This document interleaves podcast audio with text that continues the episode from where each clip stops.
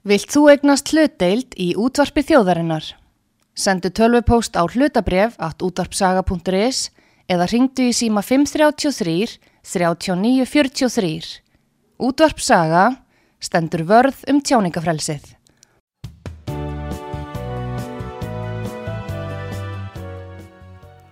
Góðir uh, hlustendur, þeir að hlusta á útvarpsögu. Ég heiti Pétur Gunnlaugsson og gestur minn í þessum þætti er Guðmundur Karl Snæbjörnsson. Hann er sérfræðingur í heimlisleikningum. Velkomin til okkar.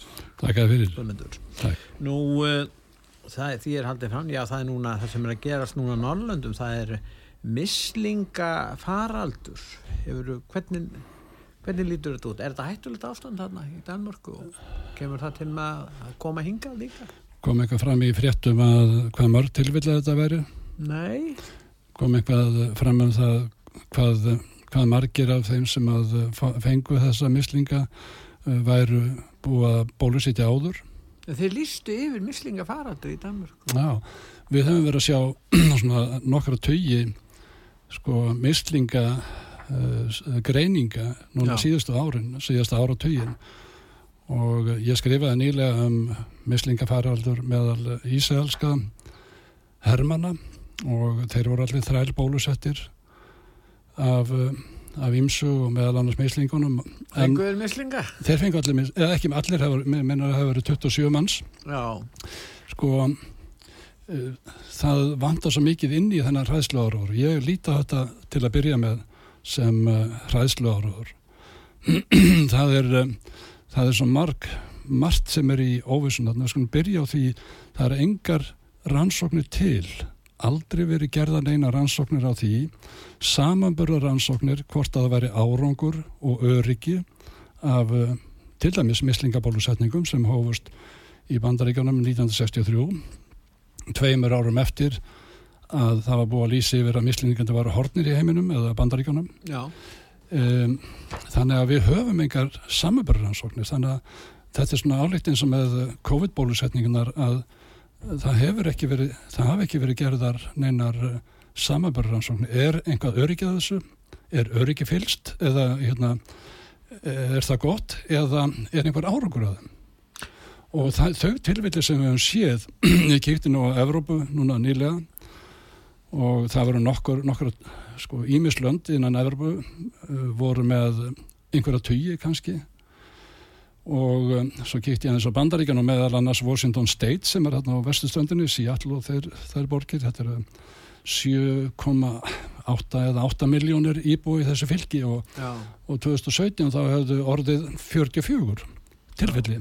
Það er að segja greint enginn hafði dáið og ég sá ekki neina skýrslur um það eða niðurstöður og að það hafði neitt dáið í heldur í þessum Evropalöndum mislingar sem áður voru slæmir sérstaklega náttúrulega fyrir 1950 þegar það fór nú að draga úr þeim Já. að um, þá voru ekki heldur til bóluefni. Nei, hérna fyrir ekki um síklarleif og við vitum það núna þegar jável með spönsku veikin að það var kannski engin flensa þar á bakvið, þetta er vola skrítið fyrir flesta að heyra. Já. en uh, meðal annars var Tony Fauci á þeirri rannsók 2009 sem að NIH svo kallað, NIAID líka sem að byrtu og þá komið ljósa að 80% þessar voru ákveðna bakterjur og þá höfðum við engin síklarleif og um, ummerki döðsfalla af bakterísingum sem fylgdi sem fylgja oft, þetta þekkjum allir læknar, sem fylgja til dæmis uh, einhverjum kveðpestum eða efri loftvegarsýngum að uh, getur orðið skeinuhætt. Og það er það sem verðist að verða að deyða fólk á þessum tíma. Um, förum aftur í mislingana. Já. ég sagði það hafa engar samanbæra rannsóknir verið gerðar. Um, annað sem mér finnst varasamt og ég er nú verið að lesa rannsóknir verðandi mRNA um bóluefni fyrir einu þessara efna eða sjúkdón sem eru í MMR bólusetningunum sem við erum að bólusetja bát með og fullarna líka. Og um, þar er notuð tæknin mRNA sem við kannast öll við frá COVID. Og uh, ég held ég hafi séð cirka tvö ár síðan eða meira sem að mann höfði í huga að búa til ný að endur nýja þessi bóluefni. Og um, setja, nota MR-ina að teknina og sjálfsögðu hafa enga samverðansóknir og því heldur, ekki einu svona þeim fyrri. Ég tek þessu því með öllum fyrirvara. Uh, það er ekki tekið í þeim frættaflutningi hérna sem að ég heirt að vísu í gegnum aðra, nokkra aðra. Það er enga tölur gefnar upp. Það er enga tölur gefnar upp um það eins og í þessum tölur sem ég var að nefna áður, nokkrum tögum bæði Ísels Hermanna og, og viða með Evrópu að hér varum faraldra sem komu upp á meðal bólusettra einstaklinga. Það fundust vissulega líka sko, meðal óbólusettra uh, á, í þessum landum en það voru engin döðsvöld sem að fylgdu þessu og það var ekki greint nánar að vísu um alvarleika hvort að vera einhver munur. En hvernig var það þegar að uh, börn voru ekki bólusett hér áður fyrir þegar það var ekki komið? Það er eins og segi fyrir 1950 eða jáfnvel fyrir 1955-60 getur það ekki verið að þá hafi ég veit ekki hvernig bólusetningar hófust. 1963 þá hófust það í bandaríkjunum. Þar hefði setna hérna já, þannig að, já, þannig að, að mjög margir íslýtinga núlefandi fengu mislinga og það, ég veit ekki hvort að nokkur hefði dáið úr mislingum á þeim tíma áður en bólusetningar hófust, vitum við það? Töl að ljóta við einhverju tölur um það? Við, ég kom aðeins inn á það áðan að við verðum að það er nöðslega að við gerum líka grein fyrir þegar við verðum að bera saman á við höfum einhvern tróðarlegan faraldur hérna 1918 og, og svo setna og áðun 1831 sko við verðum að gera einhvern grein fyrir því að við höfðum ekki síklarlif mm. Og ekki það að síklarlif hérna, virki gegn veirum þó, þó viss, hérna, viss næmni gegn þeim líka en ekki fyrst og fremst. En það eru, það virðast hafa allar götur og ég tek sérstaklega spönskuveikina fram á náðan að því að það voru, það var ekki veira, einhver flensa, þeir fundið enga veiru í öllum sínum, þeir tók upp þúsundir, gróð upp þúsundir og fóru gegnur lagnaskíslur endalusar, ég man ekki hvað, hvað voru margar en, en það var ekki sem beinti til döðsfalla, uh, þetta voru döðsfall sem þeir fóru gegnum að uh, það var ekki sem beinti til að veri neitt ekkert einasta tilvík sem dauða af einhverju flensum. Þetta er mjög merkilegt náttúrulega við sem verður látin halda eða látin trúa því að, að þarna hefði influensa. Það má segja eiginlega að á bakvið þennan stóra faraldur sem að svona áallega hafa kannski á heimsvísu uh, dáið 40-50 miljónur, þetta er áallanir að, að það hafi náttúrulega verið kannski uppsprettaða framtíða hræðsluóraðri með því að vera, vera að koma inn árlegum flensu spröytunum og um, ég hef ég hef séð uppgjör á þessu þar sem það bendir til að hérna sé um hræðslu áraður ræðas, kannski ástæðalöysan eða ástæðu litlan en allavegana það sem ég bendi líka á þann var enga samanbörur rannsóknir verið gerðar. Þegar að flens mislingandi, svo ég færi aftur á þeim þegar að þeir eru loknum millir 1950 og 1960 að þá er nánast valla tilfelli orði og það er eiginlega má segja yfirlýsing um að mislingar eru búinir í bandaríkanu til dæmis 1961 við byrjum ekki að bólusýta gegn þeim fyrir, í bandaríkanu fyrir 1963 eftir að eftir að það var allt horfið, horfið og þú getur eiginlega kíkt á alla þessa uh, sjúkdóma sem við erum að bólus við slum ekki segja alla en, en, en flesta þeirra að þá var voru sko faraldröðin þessi sem við erum svo hrætt við í huga okkar vegna sem við upplifum þá ekki. Ég var að vísu lifandi 1961 og þú líka en, en hérna en hérna sko þeir voru búnir þegar við komum með bólöfnin og býtum við hvaða samanbörg getum við gert þá? Það er ekki til allavega, ég skal ég bara segja það einu sinni enn. Og þegar við erum að tala um rannsókn sem einhver árangur og öryggja og fjara af, þá verðum við að tala um einhverju F-viti. En bann sem er bólusett í dag gegn til dæmis mislingum eh, eru notið spröytefni í dag sem eru með þetta mRNA í sér. Það var ætlunin sem ég var að benda á þann, það var ætlunin að gera það að, að búa til mRNA bólefni svona, svona Hefur það verið gert? Eh, ég, hef, það hefur verið gert varandi, varandi hættusót, ég var nú eina lesa, Hettusóttin, já, já. ja, hún er eina þessu inn í MMR bólöfnu og uh, ég, Þannig að sá sem er bólusettu gegn hettusótt, hann er að fá sprautu með mRNA. já sko, ef við erum að tala um mislingasprautu eða gegn hættusótt, þá er það MMR bólöfnið sem er verið að nota. Það er eins En og... geta þau ekki verið hættuleg fyrir sjúklingir og meiri hætt að stafa því heldur en að bólusetja ekki? Það er einmitt málið. Við höfum ekki þessar sambröðansóknir en við vitum líka þó að, þó að, þó að það sé reynd að telja fólki trúum og, og hrættum fóreldrum sem að auðvitað viljum við öll alveg sama hvort við erum læknar eða ekki þá, þá er okkur umhugað um okkar börn og, og, og smeg við ef það er einhverja síkingar og ef það er einhver sem að getur verið að verja. En við höfum ekkert til að geta geta réttlæta. Við höfum enga rannsókn til að réttlæta að þetta sé betra. Við höfum ekki nægar upplýsingar til Alls að taka ákvörðun. enga, engar upplýsingar til að taka ákvörðun.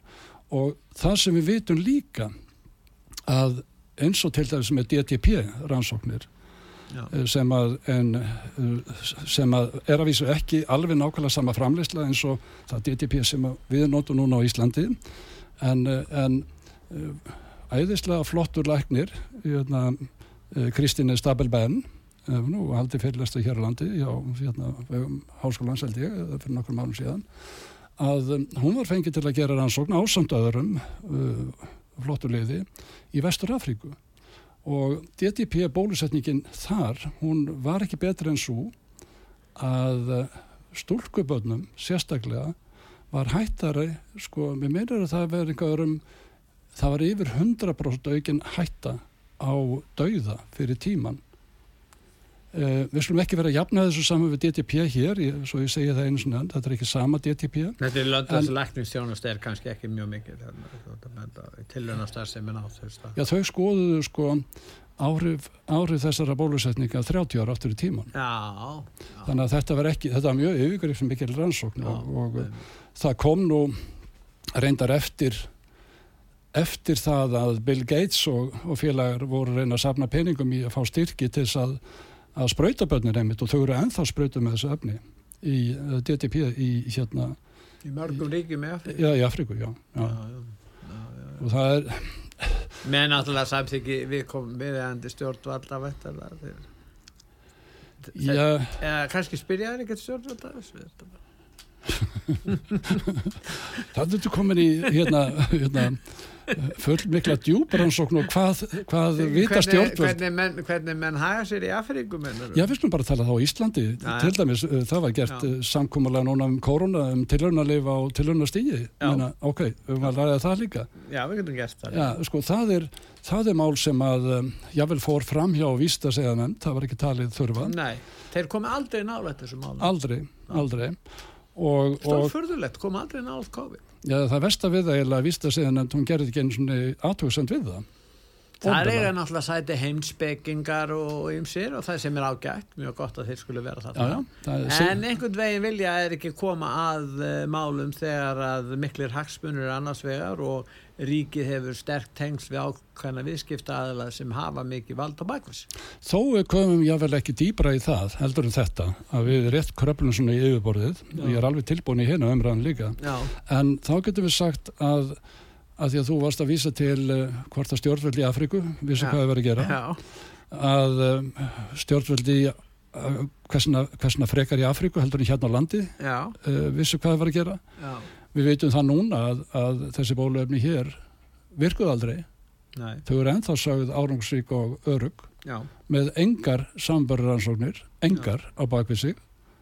Og við sjáum að þau eru stórskæðileg og döðleg við að uh, ef að stoppa þar eða held áram já, halda bara áfram. Já. sko þannig að við sjáum að, að, að hérna við getum ekki treyst nummer eitt, við getum ekki treyst yfirvöldum að þau séu að segja ykkur rétt Nei, þegar þau veit ekki, veit ekki hafa ekki hugmyndu hvað þau eru að gera. Nei, og það á alveg eins við kötu og fyrirgeðu og, og stjórnarleið hennar í ríkistjórninni mm, og þar vil ég tala líka um, svo ég tala ítla um einhverju fleiri þá hérna já, uh, landlægnisembæti og sóttundslægni já, þeir vissi ekkert hvað það var að gera þetta eru upplýsingar sem ég reynda að byrta ég byrti nú í mókanu hérna 14. 14. hérna júli á síðust ári e, þar niðurstöður fyrsturansóknar áður en við fengum áður en við fengum leifi til þess að bólusitta fólk Þú ert í raun og verið að lýsa því að helbiðiskerfi Vesturlanda og á Íslandi hafa verið þess. það hefur sko það hefur brugðist að mínu áliti og margra minna félaga erlendis. Og ég vil hér á landi að það hefur, það hefur algjörlega brugðist svikið fólk. Algjörlega. Uh, heilbriðis yfir völd hér allt kerfið og þeir akademían sem hefur verið að hvetja til bólusendingana gleym ekki Kára og Ingileif þarna hjá, hjá hérna, hérna fond kót hérna, samstipinu hér. Sko þetta, þetta fólk er einsekt að, að afglöpum eins og það getur verið.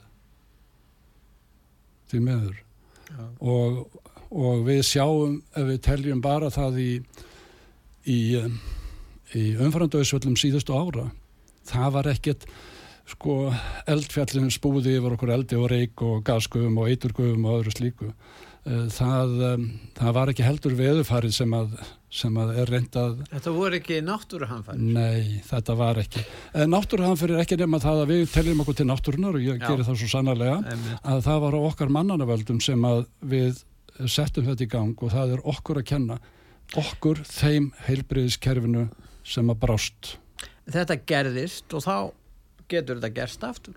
Já, Því að sem stjórna er ennþá að stjórna. sko hver, sem stjórnuð er ennþá að stjórna. Pétur, ég veit að þú hefur pælt í gegnum sögunni. Uh, höfum við einhver staðar sönnun sögulega séð? Og þó við förum bara til rétt rúmlega 3000 ára fyrir Krist. Höfum við einhver tíman sönnun þess að stjórnvöld hafi verið ummugað um almenning? Uh, svo mikið að að ég held áfram með þetta Já, við fengum Hippokrates reyðin, hvað eina við 300 fyrir Kristburð og að fyrir já, Já. fyrir Kristburð. Já. Þannig að þetta er ekki kristilegt viðþorf að, að læknar skuli virða ákveðin prinsip. Þetta voru prinsip sem voru til hjá Grekkjum, já. sem er Það, aðeins. já, það var líka, það var líka til dæmis eins og í Núrberg, hérna, eitt hérna rétturhaldunum eftir strísárin Já, að þá voru læknar þar, sjö, sjö læknar þar hengdir ekki fyrir það að það væri skilirði í Núrberg var ekki komið samkomulæði nei, heldur vegna þess að það var ekki viðhaft upplýst samþykki þó það var ekki til í alþjóðlögum nei. Þe- þetta eru meira svona náttúru Þeir byggu til reglunar eftir á að vísu, eftir að glæpurum var framinn. akkurat, Já, akkurat það var nú eins og það var. En, uh, hérna, en þú segir það voru sjö læknar hengdir þá. já. Ég sem og þátt í þessum anstíkilegu tilraunum á fólki. Já, við gerum þetta bara samkvæmt skipum og við trúðum að við verum að gera rétt en það dugar ekki til Nei. Það var ekkert upplýst samþykki hérna en við vitum það eftir líka hvers vegna það var ekki viðhaft og það er fyrir eftir því sko, það eru lögi bandaríkjum sem að gera undan þá til ég, ég ætlaði ekki að fara inn á þessu salma en, en sko, þeirra sem raunverulega stóðu að að eh, gerð, hönnun og gerð bólögnana í bandaríkanum Já. sem með undirverstaka sem, sem, sem Pfizer og Moderna og JJ og fleiri Já. Eh, þeir aðilar fyrir ekki sem eru hernar yfir bandaríkjana Já. að þeir eru undathegnir að eh, Þú getur ekki lagsátt uh, hérna nú- já þeir, þeir, það eru til lög og þau, þeim hefur verið breytt og það er ímsir búin að benda á það hvernig þeim var breytt þess að það eru undanþegið og sem svo kallar mótvæðis aðgerðir þetta er náttúrulega ekkit annað heldur en við getum meðal að dreigið alla þessa síðustu, ég gerði það núna nýlega í innleiki hjá mér, hef gert það áður að spönsku veikina, það, er, eru hernaðareiföld sem stóða því með rannsónstofnun þeirra vísinda þá, Rockefeller Inst- Institution hérna, árið, ní- á hermönum í, í Fort Riley í Kentucky. Það er vitað að þar eru upptökin að því að uh, bólusetningar gegn 17 smitsjúkdómum sem þau voru að geta tilrun með, þetta er tilrun, þetta er ekki eflingaransóknir svo kallar eða geina funksjón, heldur er þetta tilrun þess tíma og það er, það er í því andrúslofti að þeir raunverulega veikja, eins og við erum að sjá í korun, COVID núna, þeir veikja svo mikið ánæmiskerfið að það er verður tekur við öllum hinum af þessum bakteríusingum, meðal annars listerja sem ég lísti þarna, uh, þarna fer í þættinum, sem eru afleðingar ekki af einhverju flensu heldur af marg bólusetningu. Það er búið að rústa ónæmiskerfi okkar. Við erum að fykta í hlutum sem við ekki, þó við höfum mikla þekkingu varandi ímsar funksjónir og, og, og um, við margir kynnt okkur það alveg í kjölinn hvað, hvaða ferlur í gangi að við höfum bara ekki vitað í hvað við verum að gera og við verum að fara inn á hluti sem við höfum ekki en teljum okkur geta. Og við erum að fara inn á svo flókin flókna starf sem er líkamanns sem við erum rétt að krabla í yfirborð þekkingar á fimm yður. Það þarf að styrkja ánæmiskerfið en ekki að grafunda því. Takk að verið þetta Pétur. Þetta, þetta er sko... Ég myndi það er það sem búin að segja læknis, læknar eiga vinna því að styrkja ánæmiskerfið. Takk, já.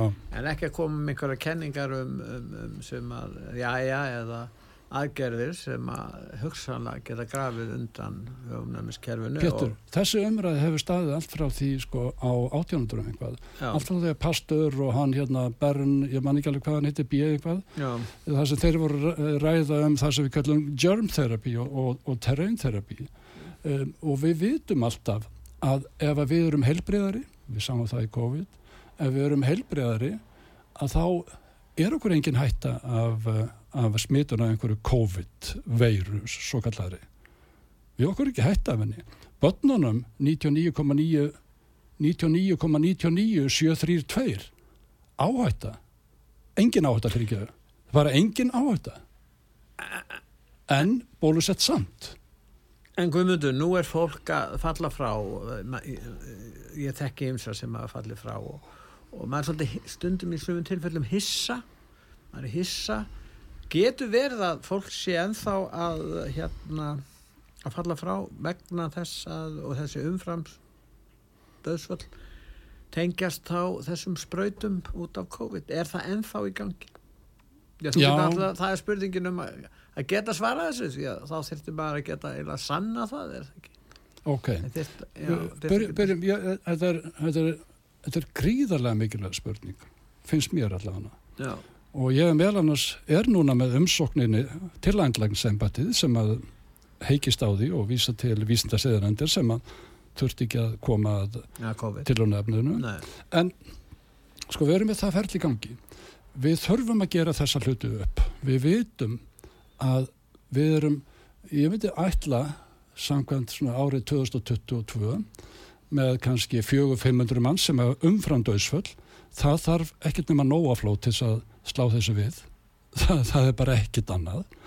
Og, og við vitum í ymsum löndum og hér líka uh, einstakamönu sem var að ringi mér sem var að skoða hagstofuna sem ég hef ekki gert, látið öðrum færar um það að þá vorum að sjá áframaldandi umframdauðsvill í svo gríðarlega miklu mæli.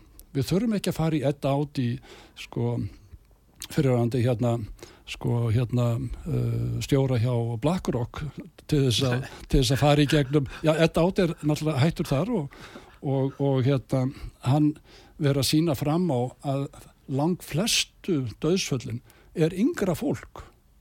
Og eins og kemur fram í sko æfitíma og sko sko áalluðum lífstíma bandaríkjamanna sem er komin í 76 ár var 82-3 ár Já, fólk afreiks, fólk jafnvel í Íþróttum sem að, að líka Það er vegna dauða yngra fólks sem Já. þetta hrapar svona niður. Það er ekki vegna þess að gamla fólki sem, og þeir sem eru með síkusíki og þeir sem eru í hjartásíkudóminu og fylgikvellan alla sem eru degja. Það, það gerist ekki svona Nei. að falla ára 82-3% nýri 76%. Þetta er bara núna síðustu árin.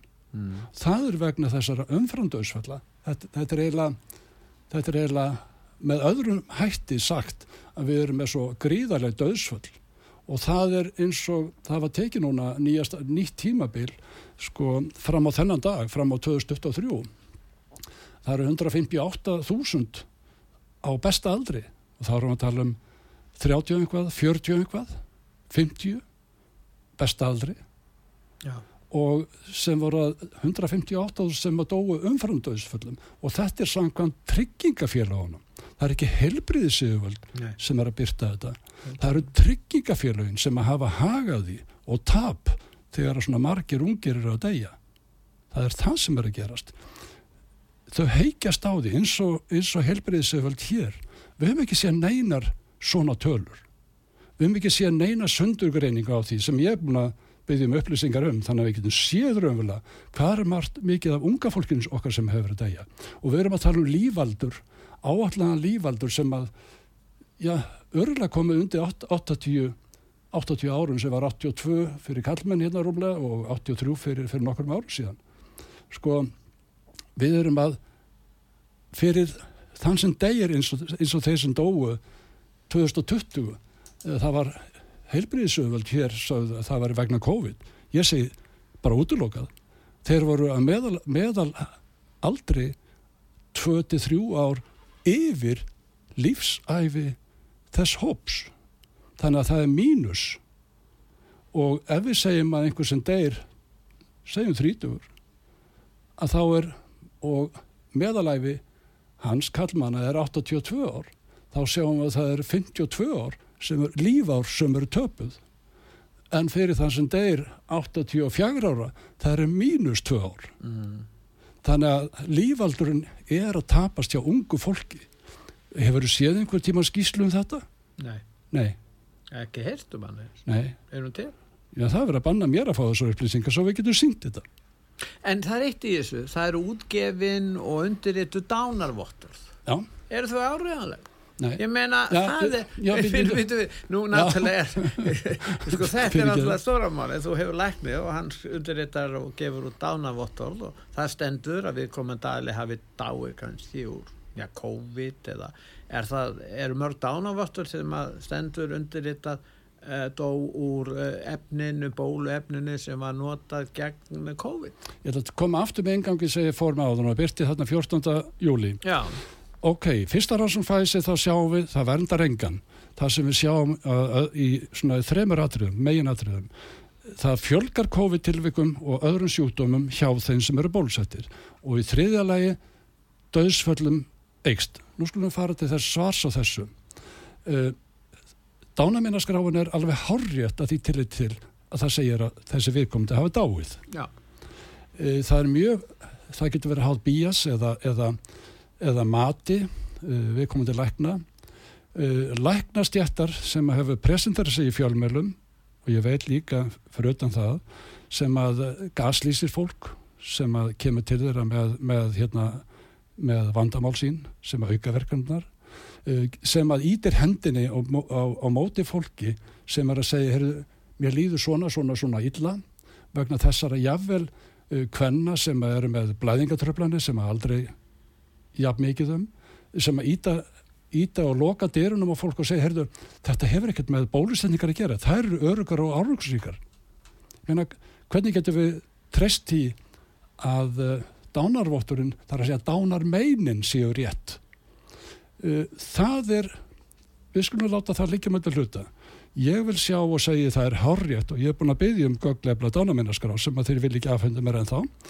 Við verðum sjá það, við verðum sjá það hverji voru bólusettir, hvenar, við skulum ræða það síka, geta það verið tengst við bólusetningarnar. Umfram döðsvillin það er ekki veðufæri, við ekki, við þurfum ekki að vera með svona kjánarlegar eins og landlæknir, eins og sóttanlæknir hefur verið með. Það hefur ekki með veðufæri að gera. Já, ég meina, látum ekki svona. Við bara höfum okkur eins og kjánar. Já. allavega verðum að gera þá kröfu ef hann er að svara eða giska að hann sé búin að gera einhverja aðtugun á því, eða rannsók eða hérna, tölfræðadillin sem, sem að hún stiðist við Já. en þeir hafa ekki gert og það verður ekki verið byrt gjöra svo vel að byrta okkur gögnin. Þetta eru okkar gögn, ekki landlægnis eða sótanlægnis. Það eru okkar. Góðir eh, hlustendur, þið er að hlusta á útvart sögu. Ég heiti Pétur Gunnlaugsson og ég er að ræða meðan Guðmund Karl Snæbjörnsson, hann er sérfræðingur í heimilisleikningum og við ætlum núna að hlýða á auglýsingar og eftir auglýsingar hlýða þá höldum við áfram að ræða við Guðmund.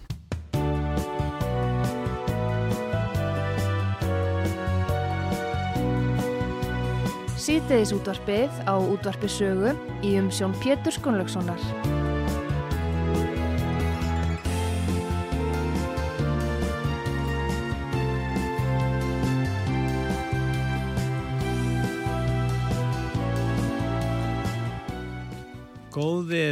Hlustendur, þeir að hlusta á útvarsögu, ég heiti Pétur Gunnlaugsson og ég er að ræða við hann Guðmund Karl Snæbjörnsson sem er sérfræðingur í heimilisleikningum. Ég vil benda hlustendum útvarsögu að þeir geta hringt inn í þáttinn og uh, beint spurningum til Guðmundar og hérna um, uh, já, mimislegt sem við vorum að ræðum á, á þann sem að sjálfsagt mörgum finnst umdeilt og umdeilanlegt en ég vildi gætna heyra í einhverjum sem að hefðu svona, lefðu svona spurningar, ég tala um að það verði málefnalega spurningar en þá getið þið gert það og sími hjá okkur 588 1994 nú við vorum að, að tala um umfram döðsvöllin og við fáum ekki upplýsingar. Nei, og er hvað, við erum kannski að horfa upp á það að þetta verður kannski margra ára barátta. Ég held, sko, við kannust náttúrulega við sko, stefnu nazista Já, og uh, það var þögn og ótti já. sem að uh, svo, Það er verið að ringa ef ekki að opna fyrir síma. jú, jú, Við skulum heyra í næsta manni. Gjörðu svo vel, hvað heitir þú? Hæ, Pétur, Linda heiti ég. Sæl og blessu. Linda, ertu með spurningu til Guðmundar? Já, já, hérna, nú er verið að kynna undir uh, óta einaferðina enn í sambandi við hættusótt og mislinga og þess að þar og tala við fólk um það að eiga að láta sprauta sig. Um, ég var eina af þessum börnum sem að fekk bara til dæmis, hérna, hvað heitir það nú, um, Mislinga, ekki mislinga, ekki hlaupabóli. hlaupabóli, já. Ég var innan um öll börn þegar þetta sótt og rauðu hundarnar og allt ekki ekki, ég bara fekk þetta ekki. Nei, Og spurningin hvort að ég einhvað þurfa að fara að láta sprauta mig og er þessar nýju sprautur, eru þær með þessu mRNA-dæmi í þeim? Bara, hvað segir þú Guðmundur við þetta? já, þetta er takk Linda fyrir að spyrja um þetta við vorum að ræða þetta svolítið áðan og, og um, um, það er ákveðin óvisa um, ég veit að uh, veit að það hefur verið gerað rannsóknir og reyndað og er verið að framlega og, um, og var að sjá niðurstöður af hættusóttar uh, mRNA bólefni. Það hefur rétt í mörg ár að búa til gegn mislingum líka. Um, ok, við slum aðeins stoppa þarna. Ég vil eiginlega meina uh, fyrir þá sem er að bóða þetta núna, hvað, hvað eru mörg tilvík? Uh, hvað eru mörg tilvík til dæmis sem er verið að vísa til í, í hérna, ekki í, um, í hérna Danmörku, hvað eru mörg tilvík sem eru komin upp hér? Um, og líka spurja býtu þeir þau tilfelli sem að ég sé í Evropa undanferðin áratug, það er akkurat að það hefur komið upp hjá þeim sem hafa verið bólusettir. Og svo er það þriðarspurningin og svo mikilvæg sem ætti að vera fyrsta sýnið mig fram á samaböruransóknir að það ger einhvað gagn. Og hvaða öryggi fylgir þeim eða öryggisleysi. Sko það, það dögur ekki fyrir heilbriðisauðvöld með sjúkdóma sem, að, sem við raunverulega útrýmdum eða við, við útrýmdum ekki nema betri lífsættir, lífstíl fólks, heilbriðt vatn hérna, betra fæði og, og svo síklarlif ef að koma ofan í síngar af bakterísingum sem að voru að drepa okkur áður af, af hinum að þessum eitrunum eða sjúkdómum eða veirum uh, kallum það hverju sem við viljum. Uh, þetta er bara ekki til staðar ennþá. Við höfum síklarlif ennþá og við höfum aldrei gert neina samveru og þá er ég að tala um ekki við hérna á Íslandi heldur almennt, hvort sem það er í bandaríkjónum eða, eða Evrópu, það var aldrei verið gerða neina samaburða rannsóknir sem að sína okkur að við höfum eitthvað gagnaðis og sérstaklega sjúkdómum sem við byrjum að bólusetja gegn eftir að þær voru hornar þetta er þetta er, þetta er hérna ok, eh, látum sóttandalegni segja okkur ef hún veit einhvað um þetta. Mm, ég, ég segi í Guðunabanninu láti ekki plata og láti ekki hræða okkur eina ferðin enn. Og ég skil það vel gagvall hérna banna fólki uh, ég hef sjálfur skrifaði bókum þetta með góðri útlistun varandi bóluefnin sem ég hafði ekki lest í grunna eða, eða í kjölinn á þeim tíma 1985 og, og um, síðan komist við bara raunverulega fyrir, fyrir hérna áhrif að fara að lesa um öll bóluefni uh, vegna þessarar COVID-bólu herrferðar að við gengum aldrei almennilega frá rannsóknum og við hengdum, hengdum þeim jáfnvel með missi lækningarleifis ef við læknar leifðum okkur að gaggrína og koma með rannsóknir sem sína fram á einhverja aðra niðurstöður. Uh, þetta er ekki eðlegi hlutir. Uh, það vantar heiðarleikan í alla þessa framsetningu.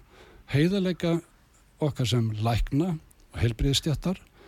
Uh, mér sínist hann algjörlega verið borin fyrir bí eða útýstur.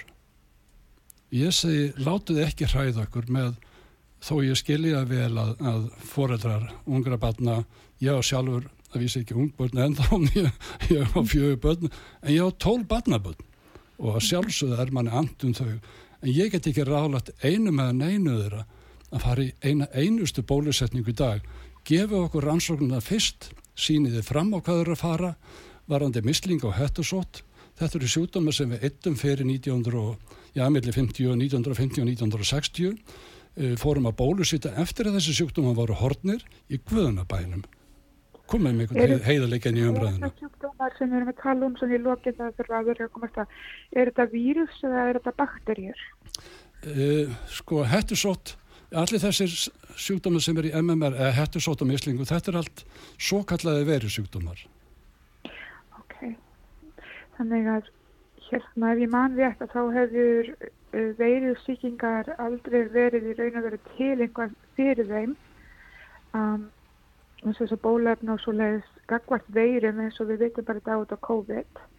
Þú veist, þannig að ef þetta væri bakterísíkikar þá eru síklarlefin að virka, er það ekki rétt hjá mér að síklarlefi eru fyrir bakteríusíkingar Síklarlefin, jú, að megnur til þar hafa vissa sko antiveiruverkun en við erum að gera okkur það sem er mikilvægt í þessu eins og ég myndist á með spönsku veikin á þann að við mm -hmm. höfum einhverja, hvort sem við kallum það eitrun eða hvort sem við kallum það veirusýngu að mm -hmm. þá fylgjaði eitrun vegna þess að þeir voru að bólusitja þetta var ekki uh, flensa. Þeir fundu enga flensu í spönsku veikinni í öllum þeim, þeim þúsundum sem þau grófu upp og gerur ansóknir á þannig að en við veitum að það eru bakterjusýngar sem koma oft í kölfar þegar um svo kallega veirusýngar að ræða og þannig að meðan við höfum það ekki þá þá verðast auðsvöldin hafa verið af bakterjusýngum en ekki vegna einhverja veiru á þessum tíma.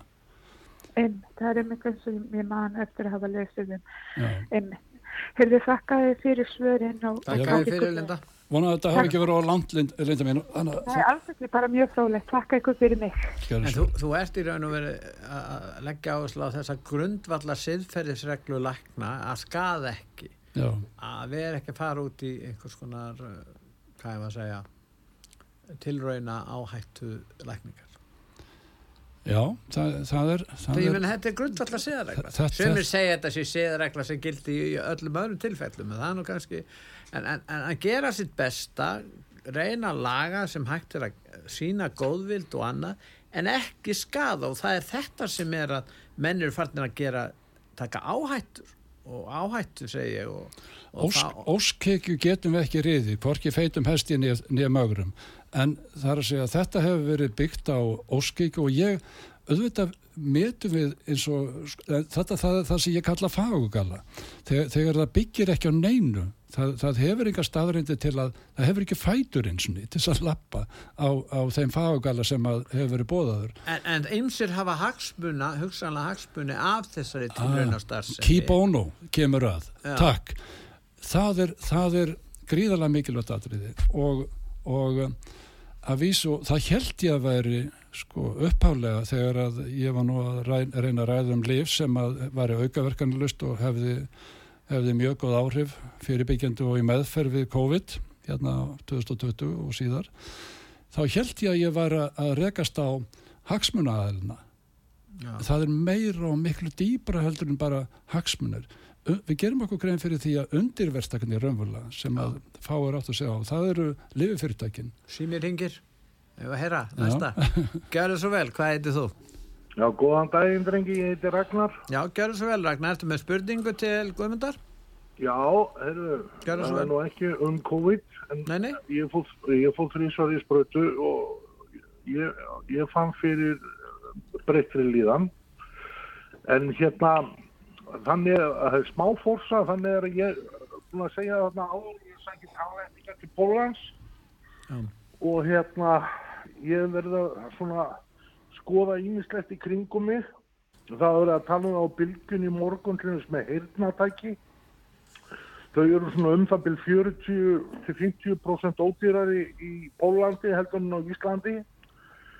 Svo skoðaði ég lífið Ósempik þar sem að kostar mánaða skamtur hér á Íslandu um 35.000 en kostar svona um 15.000 í Pólandi og svo er dóttir mín í læknanámi og ég kefti fyrir hann að hlustunapípu uh, Littmann sem að þykir nú flottasta merkið uh, og dýrustu típu sem kostar uh, millir 60 og 70.000 á Íslandi en kostar 25.000 Nei, í Pólandi og kostar 25.000 í Pólandi en 75.000 á Íslandi. Eru þú að vera með mjög flotta gjöf til hennar hann? Er, já, er þetta okkur eða hvað er í gangi?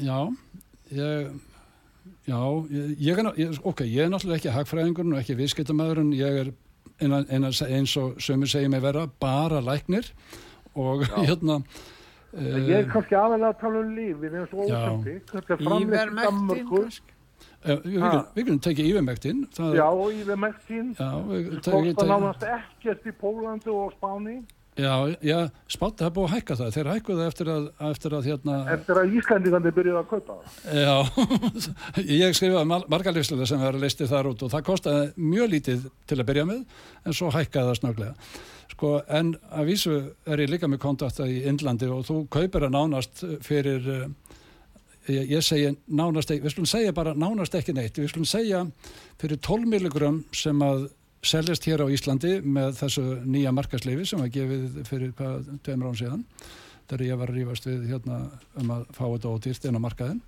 að Já. þá er það selt 12 milligram á 12.000 skall, tæplega. Uh, ég, það, ég kefti þetta sendið nú til Slovakíu og kefti 12 milligram á 80 krónur já, já. ég er með samning við, eða ekki samning heldur með tilbúð frá hérna, framlegundum í Endlandi og get kefti á 20 krónur ég menna, veist, sko, ég, okkur, menna, sko, er, er þetta kallið okkur? ég er bara spáði sko eins og með þetta sko ósampík hérna eða hvað þetta hittir Já, grátt, ekki gráta sko, það í Guðnabænum ekki gráta það Nei, nei, en sko, sko ég skil ekki að lif sem er framleitt í Danmörku, það kostar ekki meira að senda það til Pólanseldur en til Íslands. Akkur það er tvöfalt í það. Hver er að taka minnstunni? Þau eru ekki að setja bara upp sko uh, Livjaverska ríkisins aftur?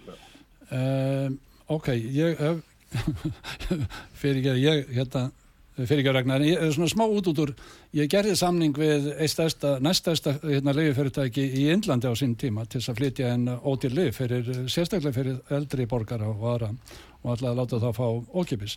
Ég komst að því að leiðifyrirtækin fara ymsa leiði til þess að hækka þetta og uh, viðmiðunaverð þar að segja sem að er leifilegt að leggja á það að það getur farið í gegnum marga millileiði. Við segjum, jú, ok, segjum að það sé framlítið Danmarku en þá getur verið annar byrgir sem kaupir leifið sem er millileiður og það gerist með leif sem að koma frá, eru flestut framlítið í Indlandi að það fer til kannski Kýpur fyrst og svo farið til Möldu og svo farið til Rúmani eða Bulgaríu og síðan kemur það til Íslands og þá búið að hækka leifið um margundur prosti í millitíðinni Uh, við skulum ekki dræða þetta núna. Ég, ég, ég ætla ekki að tröflaði meira nei, það er ekki millilu frá Danmörku til Íslands eða Póland já, sko þetta fer ekki beina leið.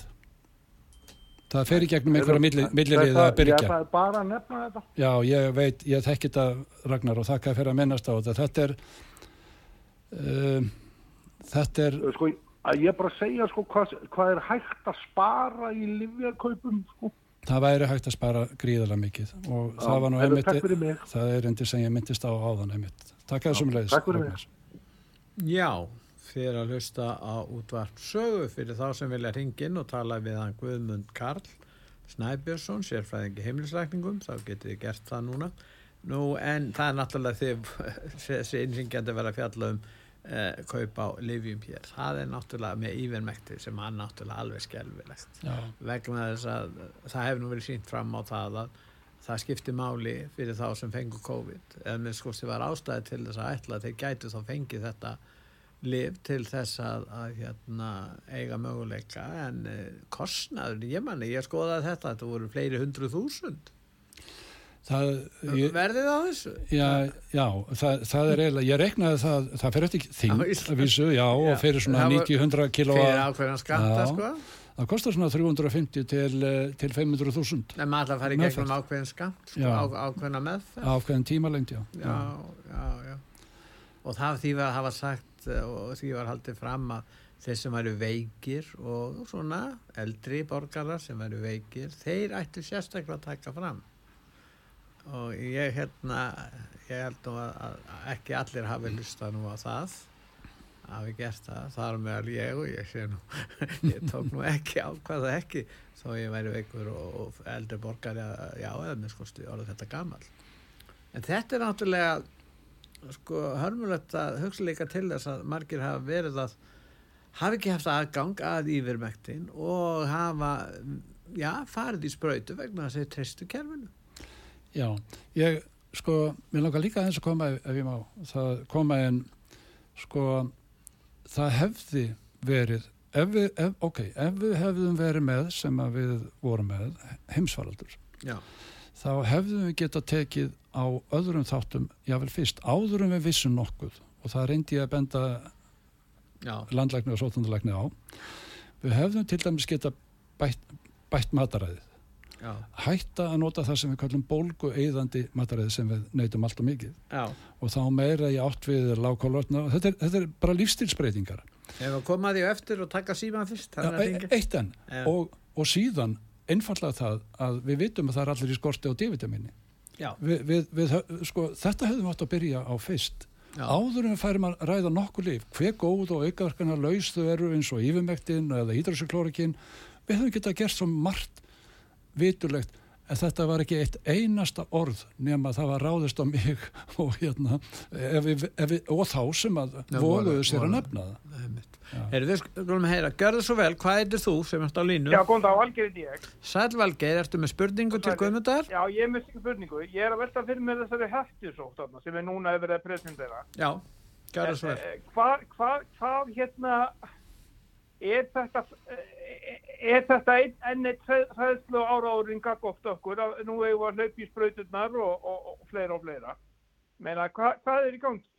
Já, ég minna, þú spurði bara réttra spurningar finnst mér og uh, ég, það er það farið svo náttúrulega í fáum og mörgum orðum í einu orði ætla ég að segja, já, þetta er ræðslega orður Já, þetta er náttúrulega síkalegt ef það eru að e, e, dæla þessu eitri í einhverju dulbúnu, já, ég veit það ekki.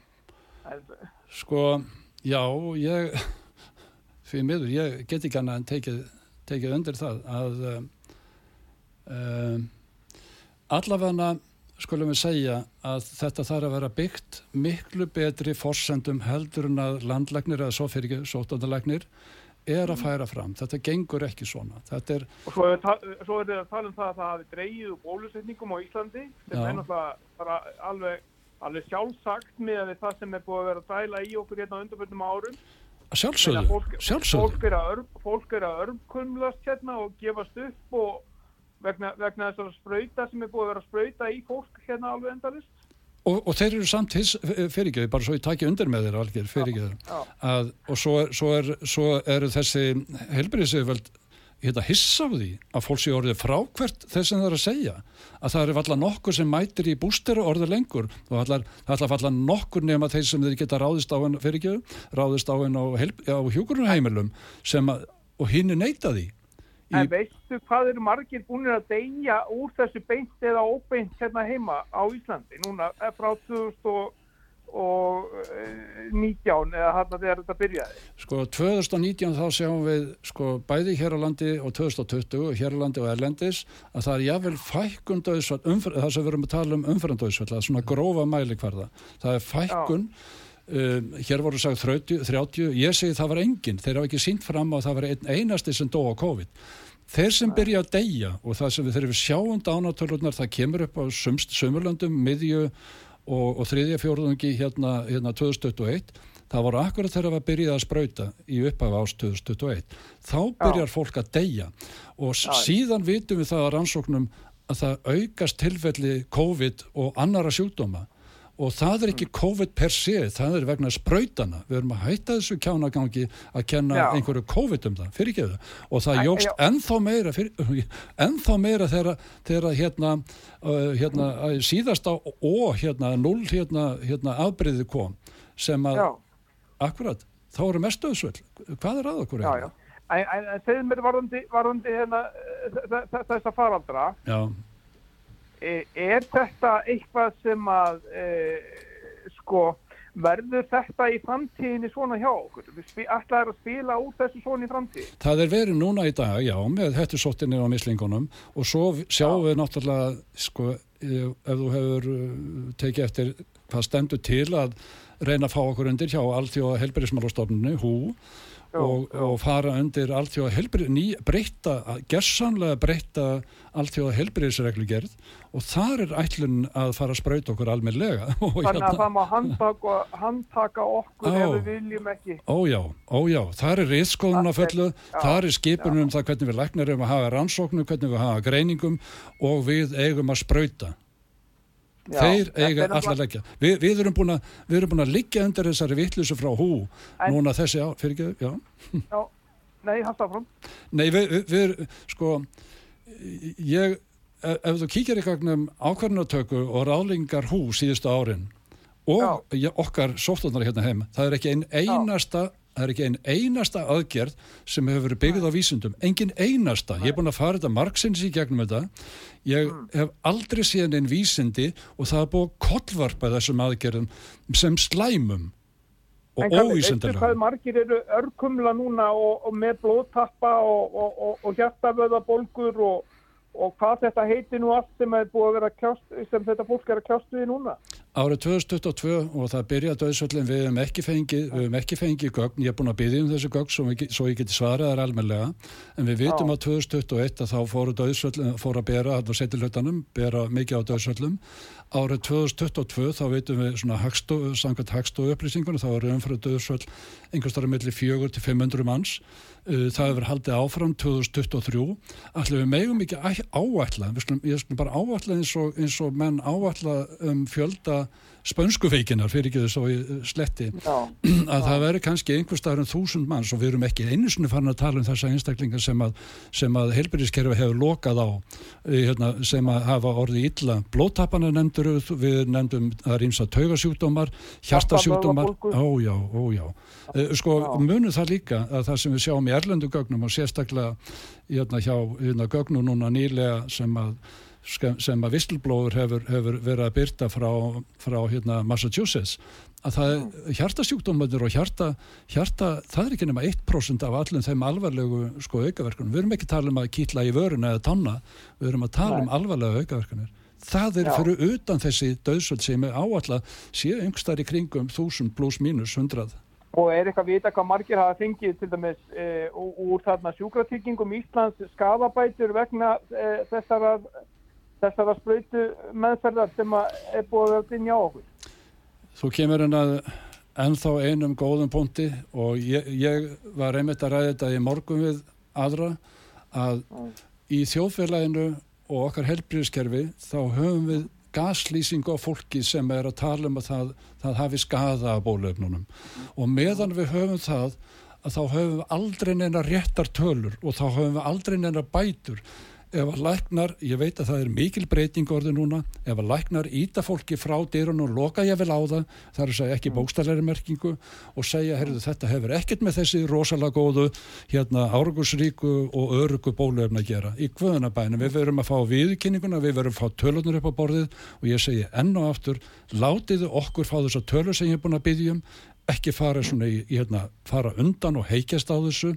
Við getum ekki byrjað að taka almennilega á þessu og veita fólki almennilega hjálp bæði fyrir lækna sem eru að afnita fólki núna og okkur hina. Við getum ekki fara að taka á þessu ástandi af alvöru fyrir að við viðkynna hvað djöfulan við höfum verið að gera. Ekki Takk að ég fyrir Valgeir. Já, takk fyrir, takk. En helstu rökin núna hjá þeim eru þau að það séu margir sem hafi fengið, tekið þess að hérna, samtíkt að, að láta sprauta sig og hafi ekki orðið fyrir helsutjóni. Hva, hva, það sem þeir segja, já það eru langt flestir uh, svo margi sem að tók sprautuna, ekki bara einu sinni tvísvar, heldur líka fjóru, fimm sinnum, kannski oftar, ég veit ekki, er ég konum býð sexskipti hann einhverstaðar í Ísrael. en ég meina, það segir, já, þetta fólk er bara helbreykt og hvernig útskýrðu það að þetta er svona mikið eitur þessi sprauta? Við, við, við skulum gera, það eru flotta rannsókn sem hafa verið gerðir í bandaríkanum að meismöndi svo kallum bötsum eða lótum Já, og við sjáum við sáum það fyrst í um, það eru nokkru einstakling sem ég kannast við þar sem að voru að gera þær aðtónir uh, síðan sá, vorum við með á málþingi hérna uh, að hérna tvo dani, Max Smerling og, og Vibeke Vibeke hérna það fyrir ekki eftir nafni manni ekki núna Manneke uh, sem að höfðu gerir ansókn á fjórum miljörðum miljónum uh, sprauta í Danmörku. Þar koma mjög áhugaverið hluti fram sem að voru samhljóða með uh, þeim rannsóknir sem að uh, svona annara aðila á bandarísku gögnum og eða sprautunum. Og það skiptist eiginlega í þrjá flokka. Það er undir 5% eða 4,2% sem að valda 70% af alvarlegum skada og döðsöllum síðan er það kannski 70% sem að er að valda meðal erfiðum og við skulum tala um það betur eftir vegna þess að stundum eru við höfum mörg ár oft fyrir sprauturnar til að koma með áfram með hérna, neikvæðar eða aukaverkanir. Áhrifin taka svona lengi að taka hennan tíma Já, og, sko, og ég get talað um það út frá öðrum fórsundulefla sem við vitum betur til eftir það og síðan er það kannski 30% uh, cirka uh, sem að uh, við sjáum engin enginni en við vitum ekki hvort það kemur einhvern tíma setna En eru þessar rannsóknir, er fjallað um, um þær í svo kalluðum virtu lækna vísinda tímaritum? já, já, þegar sko Sko, þess- það er alltaf gætan talað um það, það er vísað í rannsóknir sem hafa verið byrtar og svo framvegis. Já, það reytir índar og, og, og það er svolítið uh, það er bæði uh, það er bæði rétt og rámt þar vegna þess að vísindaritin ha- eru háð líka því þessari, þessum bías eða þöggun eða, eða afnöytun og um, ég þekki flottar nokkra vísdamenn sem hafa byrt gríðarlega flottar rannsóknir en það er bara ekki annarkvort ekki fengið inn í þessi rítirindu hérna, hérna, vísindaritt og, og við treystum okkur, ekkur, allan þennan tíma sem ég verið að lesa eins og ég sagði, tvær, lesi tvær fyrir brekkfast og, og aðra á klóstunu til þess að skilja rusli þar sem rusluð á heima og síðan, restin, síðan áfram daginn. Sko, við erum margir búin að gera þetta og við vitum að, að við, get, við treystum ekki vísindaritunum eins og við gerðum áður. Ég treysti þeim ekki. Ok, sumi konleika kannski gera það, ok, og sorry fyrir það. En, en við erum með svo brenglaðan mótstaðan gegn þessu. Eða, eða við skulum segja meðfylgnin með, hvað, hvað verður meðfylg ákveðnum svona ofnbyrri ofnbyrri stefnu. Hún er svo gríðalega massíf í stjórns, allir í stjórnsýslunni og það á líka við læknarítan okkar, þá líka þau dömskerfin okkar. Ég hef reynt, reynt það í tvei málum sem ég stend ríkinu fyrir þetta. Og, og aðrir í enn fleiri málum.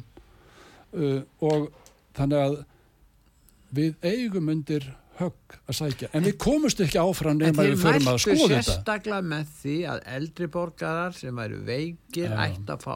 En það er fólkið sem kom kannski ekki fram í umframstöðsföllunum, ég einnig fullorði fólk sem að hérna og, og það var í raun og veru með ónæmiskerfi sem var þetta er, hárrétt Pétur og þetta fólk var Já. með skert kerfi Já. og þetta fólk var látið Já. taka sig, fólk með krabba mein og önnur, önnur slík, aðra slíka sjúkdóma og vegna þess að þeir voru með skert kerfi og kerfi var bila hjá þeim bila kerfi að þá er mjög mikla líkur á það hafi haft einhver áhrif að þessu leiti en þau bara mælast ekki umfram glöðsvallunum Þa, þannig að, að þeir byrja því að segja já það þarf sérstaklega að sprauta þennan hóp Við skulum taka undir, ég, ég tek undir þetta mál að taka sérstaklega tillit til og verja þá eldri Já. og þá veika.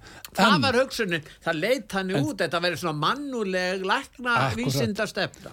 sko, maður eiginlega getur tekið því, því miður þegar það hljómar þannig skulum eigum aðeins að hugsa máli uh, býtu, ef það ver ekki þessa veiku aðila ef það veikir enn frekar þeirra, þeirra ónumiskerfi Já. og eigur frekar dauða Já. uh, þá er það raunverulega þeir sem að eru veikastir fyrir sem við erum að tala um að reyna að telja okkur trúum að við séum að verja sem verða vest úti ég meina, come on meina, meina, veistu það þarf ekki eins og lækni til, finnst mér til, til að sjá þetta þetta er svo mikið common sense Já. og, en, en við höfum haldið því fram og, og fólk hefur verið heilaþvegið með sko, það sem ég kalla í sípilju sönglað á árangusrikt og um, örugt að vísu er ég valla að sjá það núna. En þú sér það á, á heimasíðu CTC en þá, ég sá það um daginn. Og, ég meina, og, og við sjáum það líka á heimasíðu landlæknis sem, að, sem er að hvetja börn frá sex ára aldri bassafandi konur veistu við höfum engar rannsóknir fyrir þessu, engar, engar gildar. Ég las allar þessar rannsóknir sem að, sem að voru lagða fram fyrir ASEP-nefndina og verbagnefndina, það er að segja fyrir CDC og, og FDA í bandaríkunum þetta er ekki, þetta það er haldi ekki hlandi eins og hvað þá vatni? Þessar rannsóknir. En er líka fyrir rannsóknir hvað ofta hafa áttist að fósturlát og annars já, já, já, sko, sko ok uh, FDA, það skilirti Pfizer árið 2020 þar að segja þegar þeir samþýttu efnið sem neyðarleifi þá skilirtu þeir þá jáfnfram til að skila inn skýslu varandi bassándi konur. Og þeir átt að skilja, skila því inn 2000 skýslu um það, það er rannsókn 2021, það hefur ekki verið gert ennþá. Það er engin, það er eina rannsóknin sem er til um bassáandi spendýr, það er á róttum 44 róttum í 42 daga, come on. Það er eina Já, þeir, það það er, það er dólíka allar. Já. Herðu, við erum stu, komið fram í tíman og ég er rétt að hérna, ég þakka að vera að kæla mig nefnur Já, við erum að gera það en, en hérna, þetta var ágætt að fjalla um þetta svona í lokin. En ég þakka æði fyrir Guðmundur. Það semlegis, og, semlegis þakka hérna, fyrir. og ég þakka hlustendum út var sögu fyrir að hlusta. Má ég segja þetta lókum? Já, endilega. Um, ok, það er verið að herða herða málstað eða, eða áróður því meður verið að kalla það það vegna þess að hann byggir ekki á neina vísundum uh, það er fórsendunar vandar hjá landlækni og sótnarlækni í guðunabænum andiði djúft ég vil inn á milli.